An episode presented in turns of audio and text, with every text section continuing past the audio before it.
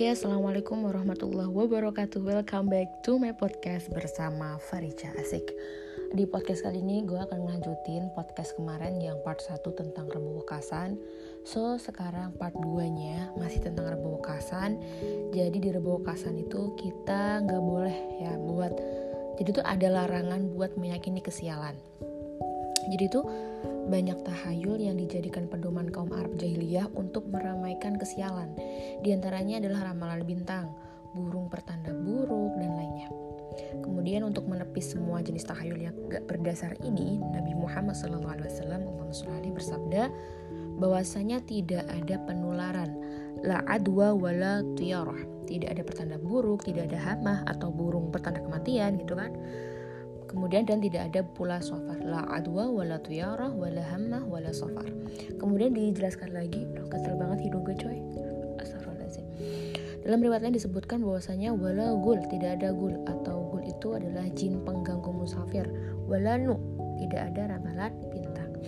Buat lebih jelas, uh, di sini mau dijelasin tentang apa ya namanya? Uh, maksudnya anggapan-anggapan kaum jahiliyah yang dimaksud oleh Rasulullah. Yang pertama penularan. Dalam anggapan kaum jahiliyah, penularan itu adalah sebuah kepastian. Jika unta ber berpenyakit menular didekatkan dengan unta sehat, maka pasti unta sehat akan tertular. Oleh sebab itu Nabi Shallallahu Alaihi Wasallam bersabda, la adwa, enggak ada penularan. Yakni tidak ada penularan penyakit kecuali dengan kehendak Allah. Jika Allah menghendaki, unta sehat tidak akan terkena penyakit walaupun didekatkan dengan unta berpenyakit menular dan sebaliknya.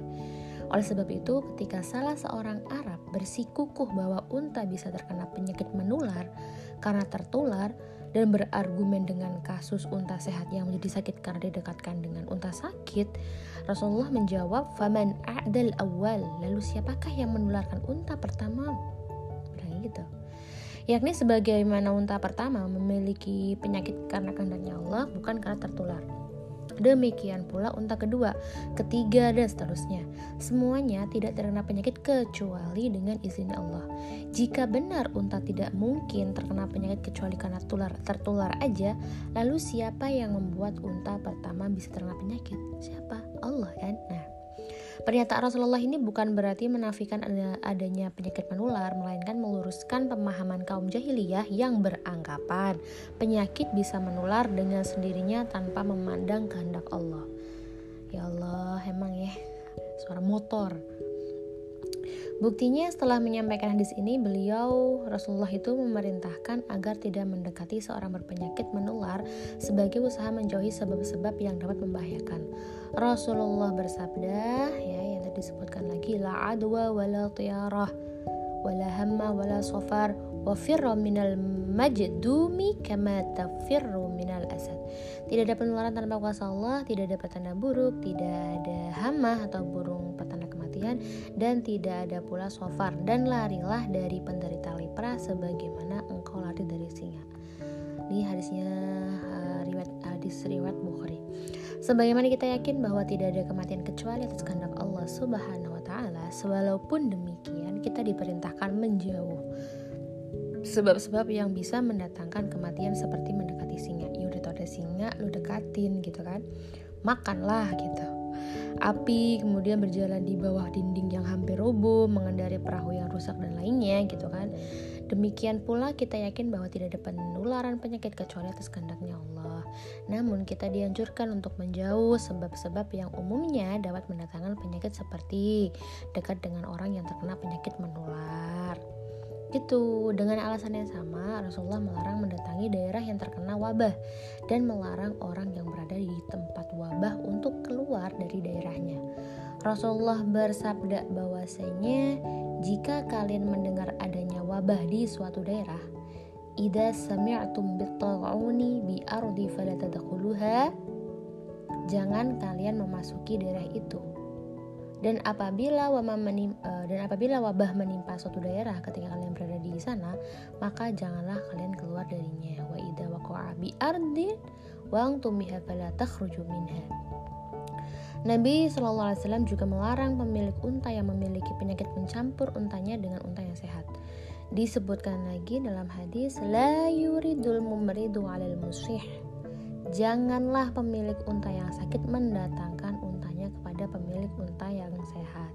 Jadi janganlah seorang yang memiliki unta yang sakit mendatangkan untanya kepada orang yang memiliki unta yang sehat karena dikhawatirin Allah menghendaki unta yang sehat itu tertulari penyakit sehingga dapat ngerugiin orang lain bahkan bisa menjerumuskan kepada kekufuran karena bisa nyebabin orang tersebut tuh kayak punya keyakinan unta tertular penyakit dengan sendirinya tanpa terkait kehendaknya Allah gitu guys. Akan tetapi dalam beberapa kesempatan Rasulullah tuh menunjukkan bahwa penyakit itu tidak akan dapat tertular tanpa kehendaknya Allah. Rasulullah juga memegang tangan seorang berpenyakit lepra dan meletakkannya di nampan untuk makan bersama beliau. Kemudian beliau berkata, "Apa? Makanlah, kul." Ya, dengan keyakinan penuh kepada Allah dan bertawakal kepada Allah. Dibilang sama Rasulullah, "Kul, thiqatan billah wa tawakkal Allah." Dengan demikian menjadi jelas bahwa nggak ada penyakit menular kecuali dengan izin Allah. Kemudian pertanda sial Rasulullah bersabda, wala tiaroh dan tidak ada tiaroh atau pertanda sial. Jadi gini, kaum jahiliyah berpedoman dengan pertanda dalam memulai kegiatannya. Apabila mereka ingin melakukan sesuatu, mereka tuh ngelihat burung tertentu gitu loh. Jika terbang ke arah kanan, oh itu pertanda baik, maka ia melanjutkan rencananya. Jika terbang ke kiri, oh itu pertanda buruk, maka dia mengurungkan rencananya. Rasulullah melarang kepercayaan yang tidak memiliki dasar ini dan melarang untuk mempercayai ya segala jenis pertanda buruk baik dengan burung tertentu, mengundi nasib atau lainnya. Bahkan Rasulullah mewanti-wanti bahwa mempercayai pertanda buruk adalah bentuk menyekutukan Allah. Nauzubillah. Kemudian Rasulullah bersabda bahwasanya atiyara syirkun Ya, mempercayai pertanda buruk itu adalah bentuk kesyirikan. Seorang yang mempercayai pertanda buruk melakukan kegiatannya dengan berpedoman kepada selain Allah, yaitu kepada pertanda yang ia percayain gitu. Selain itu, jika ia udah yakin nih meyakini bahwa pertandanya itu dapat menimbulkan bahaya, maka itu adalah salah satu bentuk kesyirikan. Nauzubillah ya Allah. Kemudian perlu diperhatiin bahwa yang dilarang dalam hadis ini adalah meyakini pengaruh pertanda buruk dan menjadikannya pedoman dalam nentuin something gitu loh, nentuin kegiatan. Berbeda jika terlintas dalam pikirannya suatu pertanda buruk tapi dia tidak membenarkannya dan nggak pula mengurungkan kegiatan karenanya. Maka ini bukan dosa sebab lintasan hati berada di luar kuasa manusia. Yang berdosa adalah jika ia menjadikan lintasan hati itu sebagai pedoman untuk mengurungkan kegiatannya atau mau ngelakuin apa apa, apa something deh mau ngelakuin apa deh gitu. Setiap orang ya Allah kadang tuh bete gitu loh lagi rekaman kayak gini gitu kan lagi selok-seloknya ada motor lewat mobil lewat tuh gede banget. Abis itu ada lagi toke ya Karim itu juga nih orang lagi mau masukin motor tetangga. Makanya berisik banget. Ya ya itulah bermasyarakat setiap orang pasti merasakan adanya pertanda buruk. Yang harus kita lakuin ketika ngerasain pertanda buruk adalah jangan mempercayainya. Don't believe that. Dan terus melanjutkan kegiatan kita dengan bertawal kepada Allah. Sahabat Ibnu Masud mengatakan, tidak ada hari da, tidak ada dari kita kecuali merasakan pertanda buruk. Akan tetapi itu dapat hilang dengan bertawakal. Wa ma minna illa walakin Allah yunhibuhu bitawakal. Ya di bitawakul. Wa ma minna illa wa, wa ma minna illa walakin Allah yunhibuhu bitawakul. Tidak ada dari kita kecuali merasa pertanda buruk. Akan tetapi itu dapat hilang dari uh, hilang dengan bertawakal Kemudian Rasulullah pernah ditanya oleh seorang sahabat, "Ya Rasulullah, ya Rasulullah, eh uh, ada beberapa hal yang kami lakukan di masa jahiliyah. Dahulu kami mendatangi dukun. Ya, umrun kunnan nasna'uha fil jahiliyah kunna natil kuhan. Kuhan itu dukun. Rasulullah menjawab, Fala ta'tul kuhan Janganlah kalian datangi dukun lagi. Kemudian Rasulullah sahabat itu jawab lagi. Dahulu kami berpatokan pada petanda buruk. Wa kunna natatoyar. Dhalik syai'un. Yajidu ahadukum fi nafsi Fala yasuddannakum. Itu adalah hal yang dapat yang didapati dalam diri dari diri salah seorang kalian dibilangin lagi bahwasanya ada tiga hal ya yang tidak ada seorang pun yang terbebas darinya, merasakan pertanda buruk, ya kan, prasangka serta iri hati. Jika engkau merasakan pertanda buruk, jangan urungkan niatmu.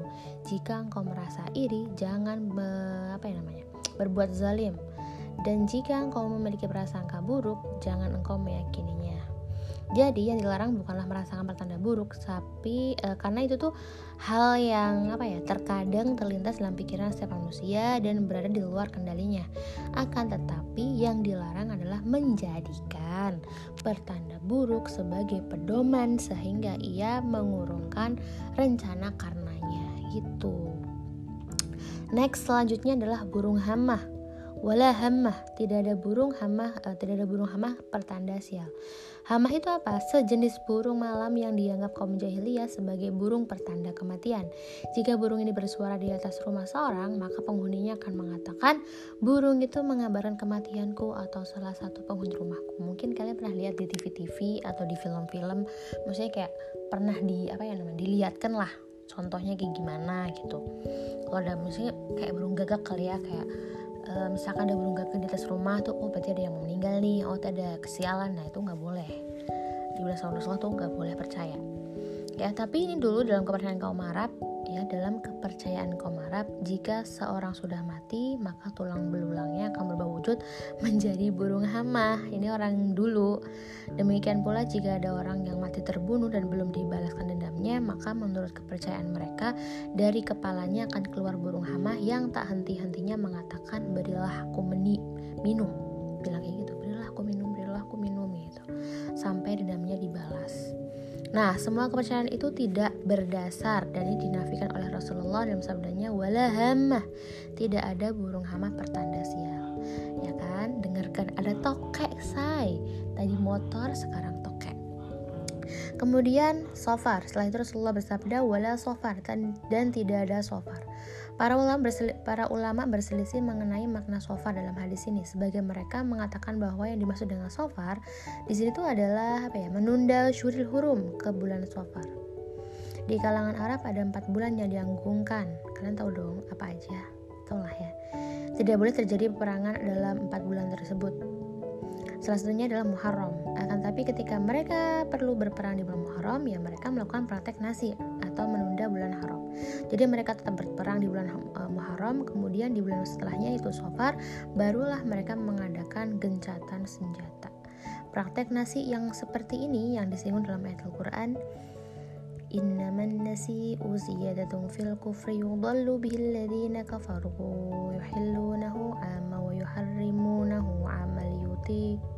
liyuti liyuwati'u iddatan ma mapa haramallahu fayuhillu ma haramallah zuyyina lahum su'u amalihim wallahu la yadil qaumal kafirin Sesungguhnya mengundur-undurkan bulan haram itu adalah menambah kekafiran. Disesatkan orang-orang yang kafir dengan mengundur-undurkan itu mereka menghalalkannya pada suatu tahun dan mengharamkannya pada tahun yang lain agar mereka dapat mempersesuaikan dengan bilangan yang Allah mengharamkannya. Maka mereka menghalalkan apa yang diharamkan oleh Allah, ya kan? Nah, setan menjadikan mereka memandang perbuatan mereka yang buruk itu dan Allah tidak memberi petunjuk pada orang-orang yang kafir.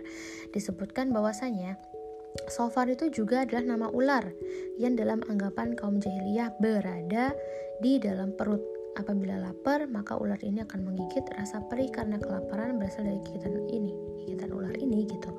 Nah, menurut mereka, safar yang ada dalam perut itu dapat menular dengan cepat. Maka Rasulullah menafikan kepercayaan takhayul ini dengan mengatakan bahwa tidak ada yang dinamakan dengan sofar dan tidak ada pula penularannya.